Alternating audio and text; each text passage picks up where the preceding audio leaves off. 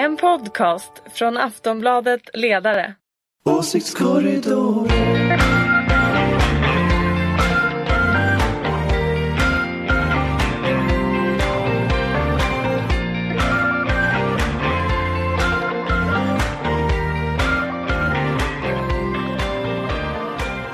Hej och välkomna till Åsiktskorridoren. Ja, ni hörde rätt. Aftonbladets ledarredaktionspodd är tillbaka efter ett rekordlångt uppehåll.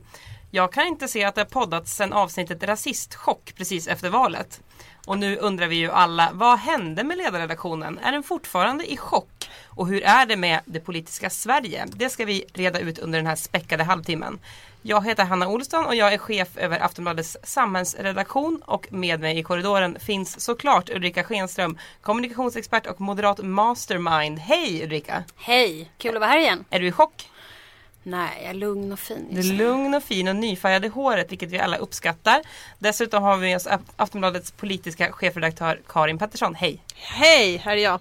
Och ledarskribenten Anders Lindberg. Hej! Hej hej! Är ni i chock? Jag är definitivt i chock. Vad har hänt?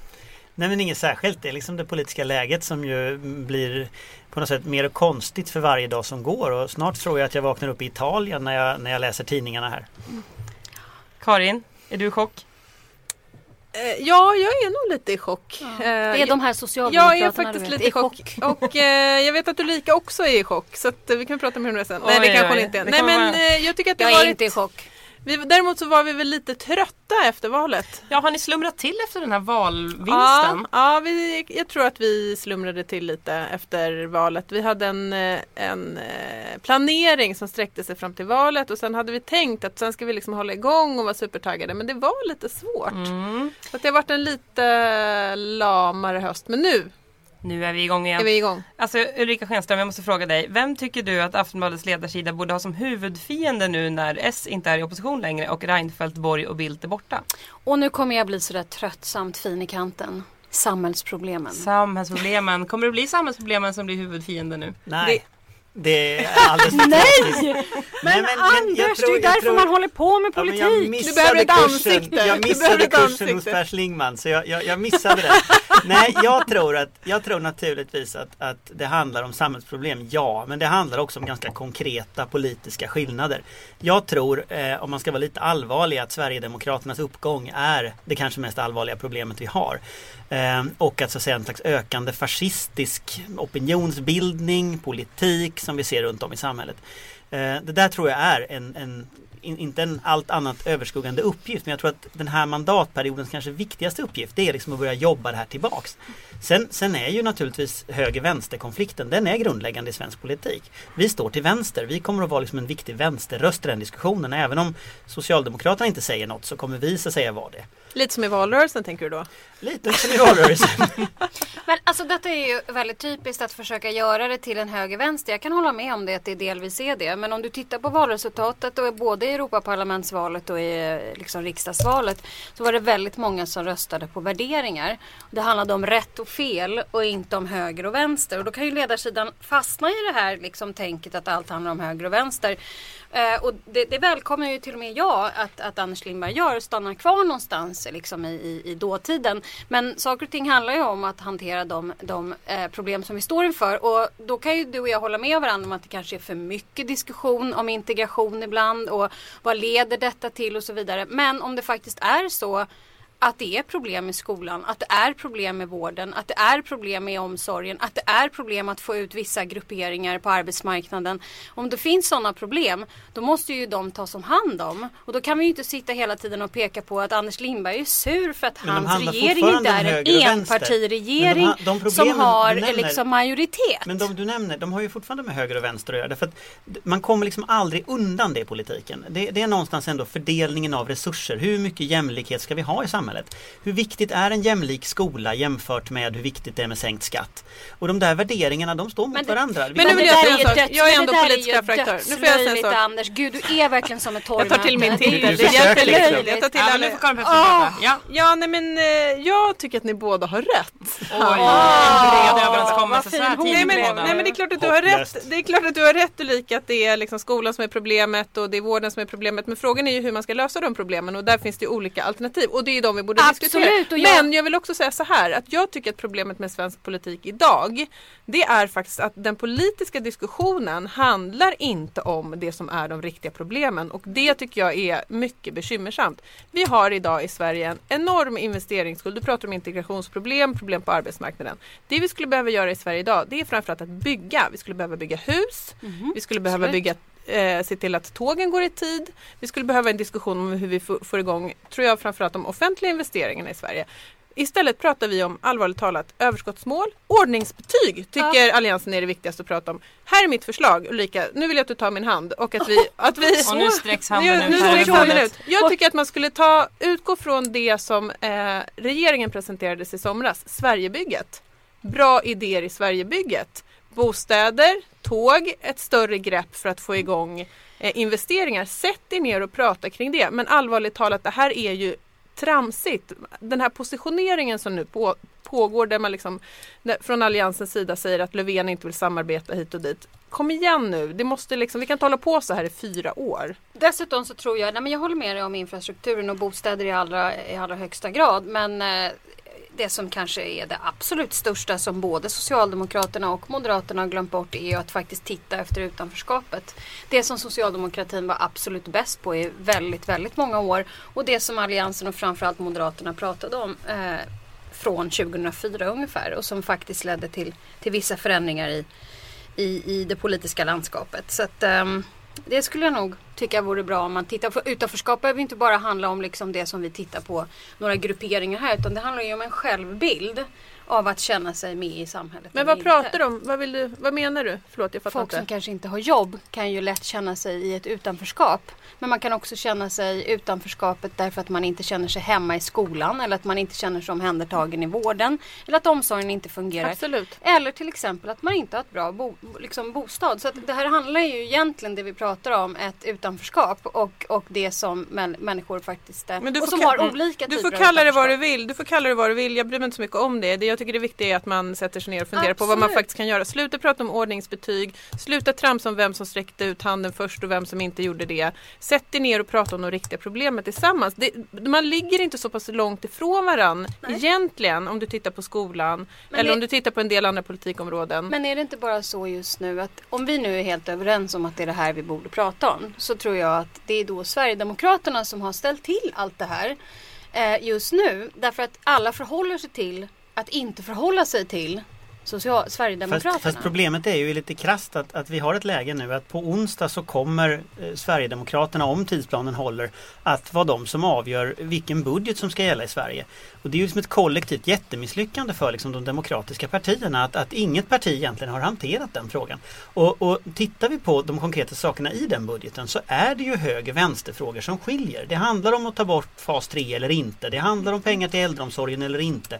Det handlar om pengar till sjukvården eller inte. Pengar till pensionärerna eller inte och så vidare. Det här är ju väldigt konkreta sakfrågor Ja, som men- vi skulle kunna ha diskuterat inför onsdagens omröstning. Absolut, men men alltså- som vi inte diskuterar. Och där tror jag att, att um, då handlar det om att faktiskt båda sidor måste klara av att ta den politiska diskussionen Mm. och inte bara låta SD sätta tonen hela tiden. Nej, men och det gör man andra- ju nu. Ja, det gör man också. Men framförallt har ju Socialdemokraterna också lå- låtit Miljöpartiet sätta en väldigt stor ton i det som de har begärt för att överhuvudtaget hjälpa till att stadga upp den här budgeten och Mm. även Vänsterpartiet. Vi ska faktiskt prata om Miljöpartiet. Vi ska kasta oss in på att prata om den nya regeringen överhuvudtaget. Jag tycker vi börjar med Löfven ändå. Det har inte varit någon smakstart för Löfven. Vi måste väl ändå eh, nämna detta. Det har snart gått två månader. Hur tycker ni att det går? Jag tycker att det går, jag tycker det går ömsom vin ömsom vatten. Fast det är ganska mycket vatten. För alltså, Är vin bra och vatten dåligt eller? Ja, ja det, det var ungefär så jag tänkte i alla fall.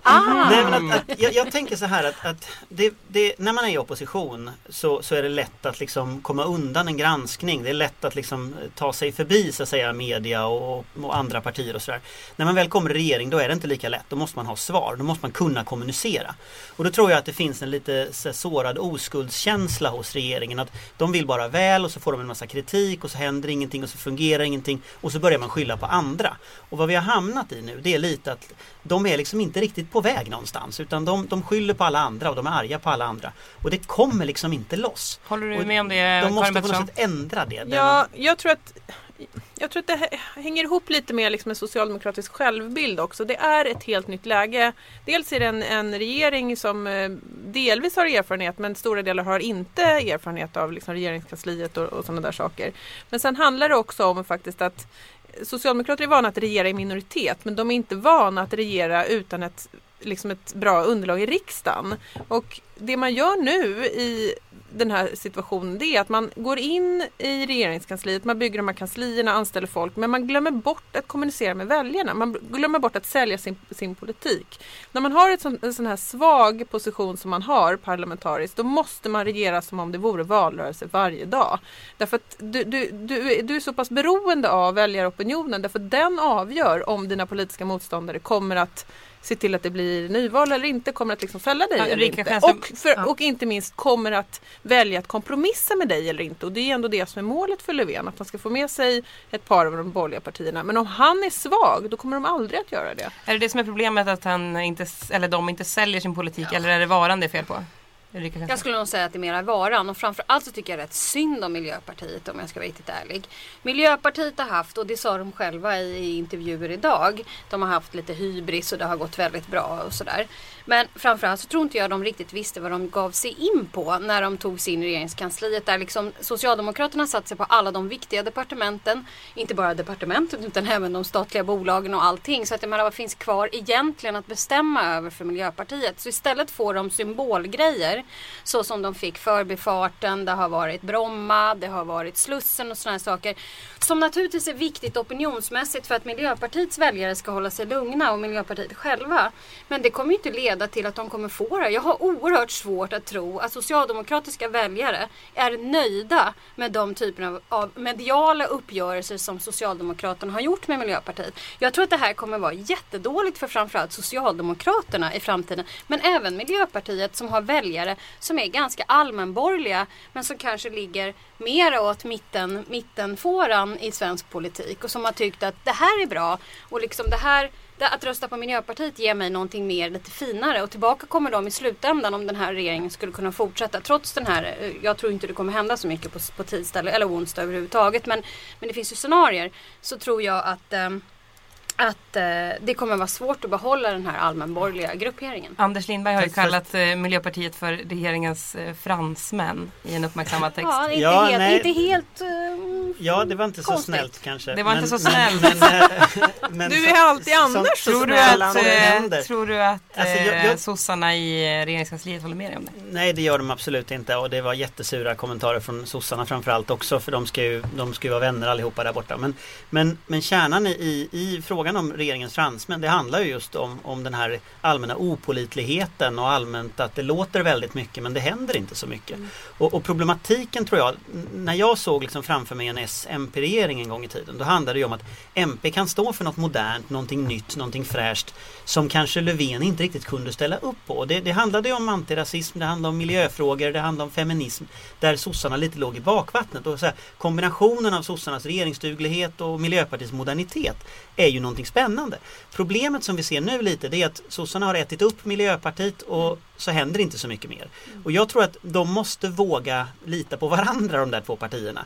Eh, och, och Alliansen hade en smart grej. De sa att alla ska vinna, alla ska bidra. Och jag tror att den, det där borde de ta till sig också i, i den nya, nya regeringen. Därför att det där ligger mycket klokskap i det. Hur stort problem är Miljöpartiet? Jag tror att eh, jag tror att Miljöpartiet, äh, hur stort ett problem de är i regeringen? Ja, vi får väl se eh, vad som händer framöver. Jag tror framförallt att Miljöpartiet idag är ett parti i chock. Eh, alltså i riktigt chock, i, ident, liksom, i, i en djup identitetskris. Jag tror att man har haft en självbild som har handlat om att vi är det liksom moderna folkrörelsepartiet, vi kommer växa, det är så här manifest destiny brukar man prata om i USA, att vi har liksom en gudagiven uppdrag som liksom eh, historiedeterministiskt, det, det, är liksom, det kommer bara bli så att vi, Vi växer och växer. också. Vi växer i takt med medelklassen, liksom lite, vi är de nya socialdemokraterna ungefär eh, om man tittar tillbaka i svensk historia. Sen kom det här valres- valresultatet och man gjorde ett väldigt mycket sämre, man pratade om att man skulle bli Sveriges näst största parti och sånt där, eller tredje största parti i alla fall. Och eh, blev ett jättedåligt valresultat och vad är man då om man inte, om inte den här liksom eh, om inte det här ger sig självt. Vad är man nu? Jag tror att man inte riktigt har hanterat det här än faktiskt i, i Miljöpartiet. Det ska bli väldigt intressant att Jag se höra, ja. vart man nu går. Nej. Och- och- Krishanteringsexperten och- och- Ulrika Schenström. Och, de, och dess, dessutom så, så sitter de i ett regeringskansli där de aldrig har varit. Det finns inte några generationer före dem Fast som de har har varit. ju varit där. Jo, fast det är en viss annan sak att sitta i beredningar och ta ett ansvar och vara längst ut och inte bara vara där på någon så här, liksom hälsa på. Det är Fast de liksom hade ju tjänstemän Jo, där men under ett en- antal år. Så att Ja, lite fast- överdrivet är ju det där nu, faktiskt. fast allvarligt talat, De det har är inte haft ministerposter. jätteskillnad att sitta som tjänsteman i någon korridor, en annan sak. Lite som för helt egen- Kristdemokraterna 2006.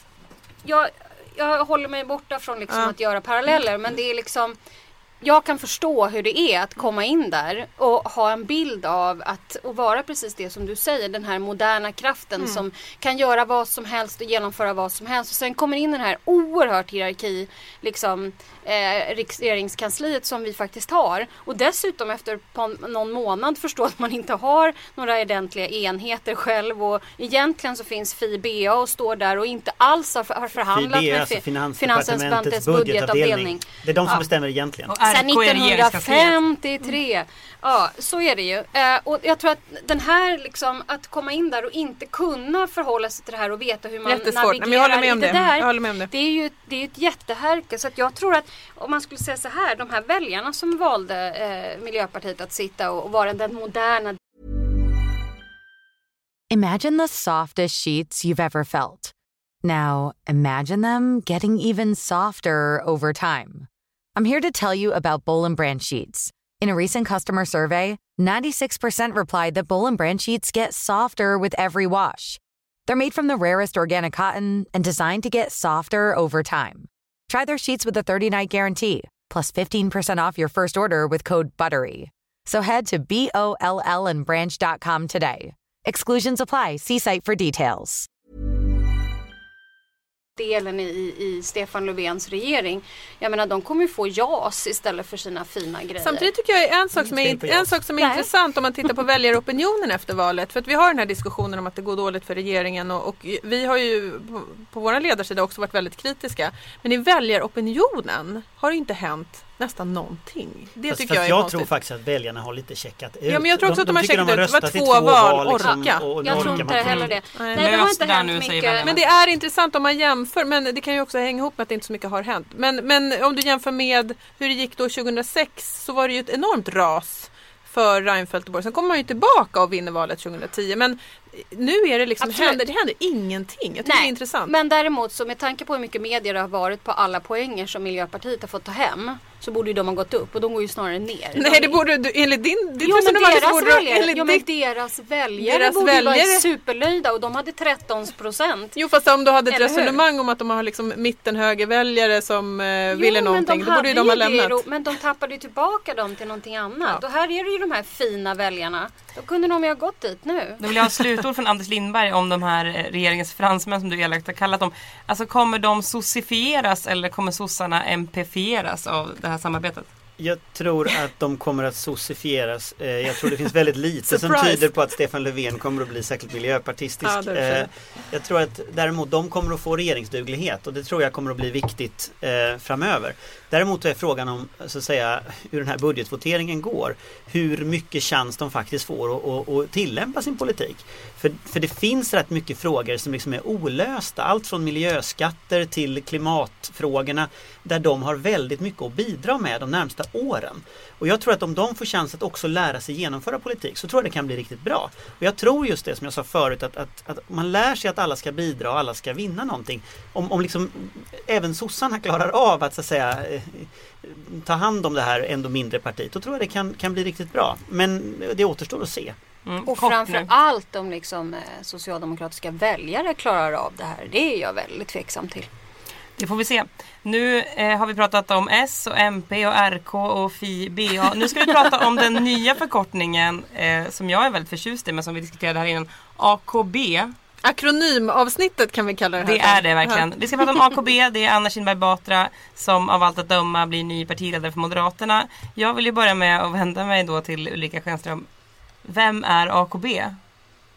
En jättebra person som har eh, varit engagerad i Moderaterna i eh, stora delar av sitt liv och som eh, troligen blir Moderaternas nästa partiledare. Så blir det då någon skillnad mot Reinfeldt? Det återstår ju att se. Men vad Sånt. tror du? Ja, det tror jag. Men jag vet inte riktigt vad. Det blir väldigt spännande. Mm. Det här är Vad en tror du väldigt- Anders Lindberg? Jag skulle säga att det är en väldigt spännande spänning. Jag tycker den påminner lite om när sossarna valde Håkan Juholt. Liksom, att ingen visste någonting Tänk vem att det den var. visste jag Ingen visste, ingen Är det visste, någon här som är förvånad? ja, jag är förvånad. Ingen visste vad som skulle hända förrän han höll sitt eh, installationstal. Och då berättade han vad han skulle göra och sen blev alla Fast jättenervösa. inga jämföter i övrigt Eh, med nej, väldigt naturligtvis olika. inte. Det Men, men det intressanta är valprocessen. Att, att man väljer en, gr- en gr- gris, väl kanske elakt att säga, men man väljer grisen i säcken.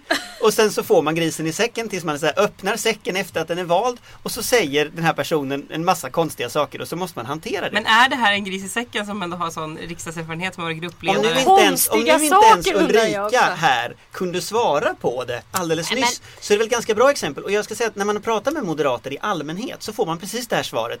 Man glider lite fram och tillbaka och så pratar man med att innan hon blev gruppledare då var hon för fri invandring och sånt men sen har hon inte varit Men det. jag, jag tycker att det, det, det, det, det går ju att jämföra det det här valet. Och, um, på vår ledarsida vi, brukar vi vara väldigt kritiska till hur valprocesser går till inom Socialdemokraterna. Därför att det är stängda rum, det är valberedningar, ingen fattar någonting. Vem kandiderar, vem kandiderar inte, vad vill de göra, var står de politiskt, man har ingen aning. Och så Sen blir dyker. Berit Andnor upp Så dyker Berit. Andnor upp i en svart kåpa och liksom Just svart kåpa som i Eyes Wide Shut. Ja, ja, exakt. Och så fattar man läskigt det Ja, det är läskigt. Det var rätt läskigt. Ja, och så fattar man in, ingenting. Så bara, "Ha, oj, oj, det är det här nu vi ska förhålla oss till. Och så får de, har den personen ett väldigt svagt mandat. För det som händer, om, om folk inte har fått vara med i en process, får vara med och bestämma, fått diskutera, fått debattera, kanske till och med fått rösta eller i alla fall haft inflytande över processen. Då har de ingen, då har de ingen lo- lojalitet till den personen. De känner inte att de själva har investerat någonting i det.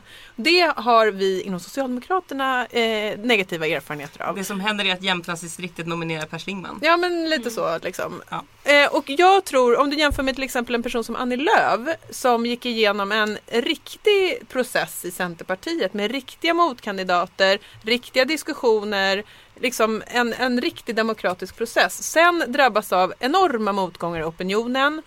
Det blir aldrig någon diskussion om att hon ska avgå. Hon tar sig igenom det, kommer ut på andra sidan som en mycket starkare politiker. Jag tror att det är ett problem för partier som Socialdemokraterna och för Moderaterna att man har den här typen av processer. Därför att det kommer bli tuffa tider politiskt. Moderaterna är ett parti i kris. Du har väldigt många väljare som har lämnat till Sverigedemokraterna. En stor svår diskussion internt om hur man ska få tillbaka dem. Vad har en person som Anna Kinberg Batra som ingen vet var hon står politiskt, ingen vet vad hon ska göra. Hon har inte liksom presenterat något program. Vad har hon för mandat, vad har hon för stöd internt för att faktiskt göra saker? Det, det kommer inte bli så himla lätt om jag känner logiken från då ett annat stort parti. Det, det är ju väldigt svårt att jämföra partier om jag ska vara riktigt ärlig. Det går inte att jämföra Moderaterna och Centerpartiet. Det ena är ett folkrörelseparti, det andra är ett, eh, liksom, har en bas Ett i någonting toppstyrt helt parti. Ja, ett mycket toppstyrt parti. Det är ju liksom inte någonting- någon hemlighet. Eh, och olika partier har olika typer av processer, man har olika kulturer.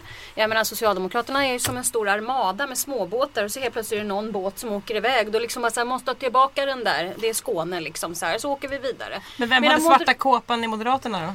Men vi har inga svarta kåpor. Det verkar bara vara Berit Andnor och sossarna som har det. Eh, hos oss är det väldigt trevligt och vitt och, och, och ljust och Ja. trevligt och alla är glada. Okej, nej Det var men... du eh, som sa kåpa! Okej, nej men vi kommer tillbaka om två år och så lyssnar vi på det här avsnittet och så Vi ser vi prata om lite vita kåpor. vad som händer. Moderaterna vita kåpor. Nej, vi det ska, det ganska ska vi bra inte. citat. Nej, då ska inte ta det så långt va? Jag, Eh, säger, jag gör bara miner här inne i studion, men jag säger ingenting. Jag låter det Jag ligga där. direkt. Du är mer pang på. Jag, jag är mer kände det i kroppen. Att nu, okej. eh, men kan man säga, blir det någon skillnad för Moderaterna att få en kvinna som partiledare? Ja, det blev väl bara bra det, tycker jag. Det är väl friskt och modigt att äntligen ha en kvinna som, som partiledare. Men, men jag tycker ju inte, jag är inte en sån som tycker att det är viktigt för sakens skull. Men, eh, men det tycker jag är väldigt Men bra. man kan ju lite krasst konstatera det att om, om, om Alliansen Det kan ju mycket väl vara så att Jan Björklund också byts ut mot någon kvinna till exempel Birgitta Olsson. Mm. Det kan ju också vara så att eh, Kristdemokraterna byter ut sin partiledare och då är det ju Nej, jag tror han Då- sitter på livstid. Ja det är i och för sig möjligt Tyvärr. faktiskt att han gör han det. Men det kan ju också vara en kvinna, det är inte otänkbart. Det finns ju flera starka namn i Kristdemokraterna. Och då, och då innebär det att då kommer så att säga Jonas Sjöstedt och Gustaf Fridolin och Åsa Romson och, och, och Löfven att stå där sen.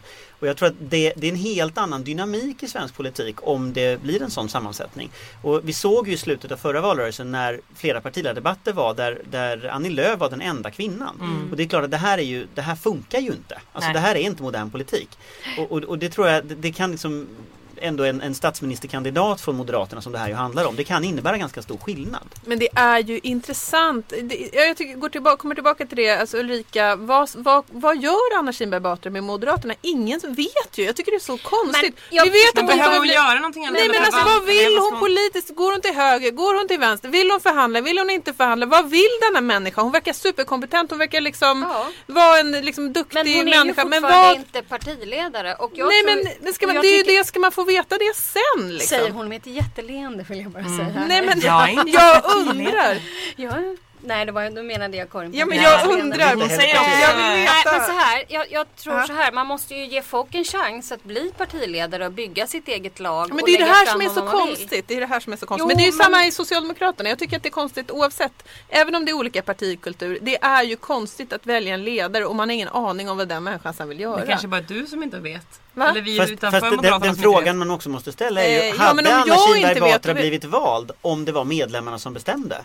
Mm. Det är ju en öppen fråga, det får vi ju aldrig reda på för medlemmarna får ju inte bestämma. Och det är Inte ju, heller Stefan Löfven. Nej, och det är samma sak med Stefan Löfven eller, eller, eller Håkan Juholt. Vi kommer aldrig få reda på om de hade blivit valda i ett riktigt val med två kandidater eller fler kandidater.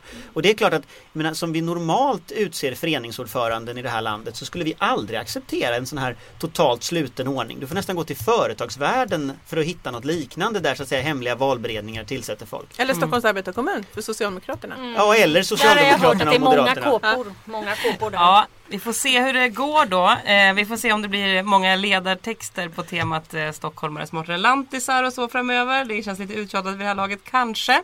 Vi får hitta nya angreppspunkter framöver. Garanterat. Mm, jag tänkte bara att vi skulle avsluta med att prata om budgeten nästa vecka. Jag vill att ni ska sätta pengar nu på om eh, SD kommer, nej pengar behöver vi inte sätta, men kommer SD fälla budgeten? Vad tror ni? Jag tror det finns en inneboende logik nu där SD snart inte kontrollerar vad de själva gör. Därför att nu har de sagt att de på tisdag efter sitt gruppmöte, och jag, om jag förstod det så började det klockan 16 men jag har inte sett exakta tiden men jag tror det. Eh, så ska de ha sitt gruppmöte. Det här är ju bara teater. Partiet är ju det mest toppstyrda partiet i svensk politik så de vet naturligtvis. Men det innebär att de har ju en, en tillfälle att skjuta upp hela processen till, till tisdag. Då ska de berätta om de ska rösta på vilket, eller vilket förslag de ska rösta på. Om de i det läget går ut och säger att de ska rösta på, på Alliansens förslag. Det är klart att då, då har de ju flyttat hela problemet i knät på Alliansen. Eh, och då kommer naturligtvis frågeställningen att bli Vill Alliansen acceptera att de fäller regeringen? Vill de få igenom sin politik på riktigt? Eh, därför då måste de ju också regera. Då blir ju så att säga problemet de sitter i att Alliansen och SD har fällt regeringen och ja, då får ju de ta ett ansvar för resultatet. Eh, jag vet faktiskt inte vad de kommer att göra i det läget därför att, därför att då, då, då blir det ju så att säga skarpt läge eh, efter det här. Skulle jag gissa så skulle jag gissa att det är Jag har alltid gissat att det är ungefär 60-40 att SD inte fäller regeringen. Och det är av ett, ett skäl som är egentligen ganska partiegoistiskt för dem.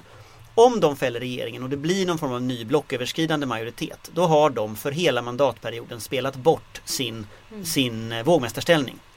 Det vore kontraproduktivt för dem eftersom de lever på den här vågmästarställningen. Men, men jag ska säga att jag har blivit mindre säker på det. Men jag har hela tiden, det, så har jag tänkt, att 60-40 till att de inte fäller regeringen. Mm. Ulrika Schenström? Nej, nej, men jag är nog inne på samma linje. Jag tror inte att de fäller regeringen. Men det är klart, jag kan inte Sverigedemokraterna som jag kan alla de andra partierna i svensk politik. Eh, de är oförutsägbara. Jag eh, kan inte exakt kulturen, om kulturen ens har satts ordentligt. Eh, och jag vet att det är toppstyrt, det har jag hört. Men det är inte samma sak som att göra en bedömning av något av de andra partierna. Men att stå där och vara den som orsakar ett kaos i svensk inrikespolitik kan knappast vara någonting som någon vill ha. Sen ska man ju för sig inte sticka under stol med att de har stora grupperingar internt som verkligen vill att man ska göra det här. Och röra om i grytan och se till att det händer saker. Och, så det är min lilla brasklapp där. Men, men ja, jag tror ändå typ 60-40 faktiskt. Karin? Nej, men jag har ingen annan bedömning. Det är väldigt, väldigt svårt att läsa det här tycker jag. Genuint svårt att läsa. Just därför också att eh, jag uppfattar Sverigedemokraterna som ett parti i, i, verkligen i förändring. Eh, där det inte heller går att läsa kanske utav vad man har gjort tidigare hur man kommer agera just i den här situationen. Det är en, en, ny parti, ja, partiledaren är borta, det är en ny partiledare som agerar som inte vet riktigt liksom, ja, vart han vill. Eh, vi har, ja, de har växt mycket på kort tid. Vi vet inte, jag vet inte riktigt var maktcentrumen finns och hur pass starka de är mm. internt heller. Eh, men jag, däremot så tror jag inte att eh, deras väljare blir jättebesvikna om de ställer till kaos. Det, det tror jag inte är ett problem för Sverigedemokraterna. Däremot det Anders säger att man under den här mandatperioden får svårt att framåt liksom, agera om det blir en annan då, eh, konstellation som regerar eller som i alla fall eh, samarbetar i riksdagen. Men mm. det är ju, jag tycker det här är, det här är liksom man kan skoja om mycket i politik men det är inte klokt att det har kommit hit hän att Sverigedemokraterna sitter, håller liksom hela det politiska Sverige på halster på det här viset under en hel höst och 13, med 13 procent av rösterna ska liksom bestämma över svensk politik. Om a-kassan ska höjas eller inte, hur skatterna ska se ut. Det här är faktiskt inte klokt. Det här är ett underbetyg åt, eh, andra, åt de andra partierna, det måste man ändå säga. Ja, de andra partierna tycker inte jag man kan säga. Jag tror att väljarna, väljarna valde det här. Det är ju någonting som är problematiskt när det gäller de etablerade partierna. Att man inte tittade på de riktiga, och nu är jag tillbaka i det här ordet som ni kan fnittra åt, men eh, liksom samhällsproblemen. Att man nej, men det är väl ingen som har fnittrat att, åt det? Utan, nej, inte just du. Men jag pratade ju om Anders här. Han fnittrar alltid åt allting jag säger. Det är hela poängen. Men alltså, det är ju jätte... Det här inledde ju du med Karin själv. Alltså, vi har alla de etablerade partierna pratat för mycket om överskottsmål och brytpunkter och suttit i en källare och hållit på med det där väldigt länge. Medan de har pratat om välfärden, de har pratat om problem som folk har sett. Jo men det, vi har också haft en situation med, under två månader där menar, det hade funnits Absolut, tid. men de hade inte varit det där ifall de etablerade partierna Nej, jag håller med om det. Jag håller med om det. Men den här hösten hade, hade man också kunnat ägna åt att faktiskt hitta en lösning på det här så att vi inte hade behövt sitta tre dagar eller fem dagar innan den här omröstningen och inte veta om regeringen ska falla eller inte. Man, man, man, kan också, man kan också lite krasst säga så här att, att SD och Alliansen har väl ungefär 190 röster. Eh, av dem kommer naturligtvis den absoluta majoriteten från allianspartierna. Så det är inte så att SD fäller regeringen. Det är så att SD röstar på alliansens budget. Och det är väldigt viktigt att komma ihåg det där att det är fyra partier till som har ett ansvar för vad som händer. Och det stora dilemmat just nu det är ju att Moderaterna har inte berättat vad de ska göra om det är så att de vinner. Och det tycker jag är en sån grundregel i politiken. Du ska veta vad du gör om du får det du önskar dig. Och du kanske ska vara lite försiktig med vad du önskar dig därför att det kan infrias. Mm. Och nu står de så att säga i ett läge där de är lite svaret skyldiga det. Mm.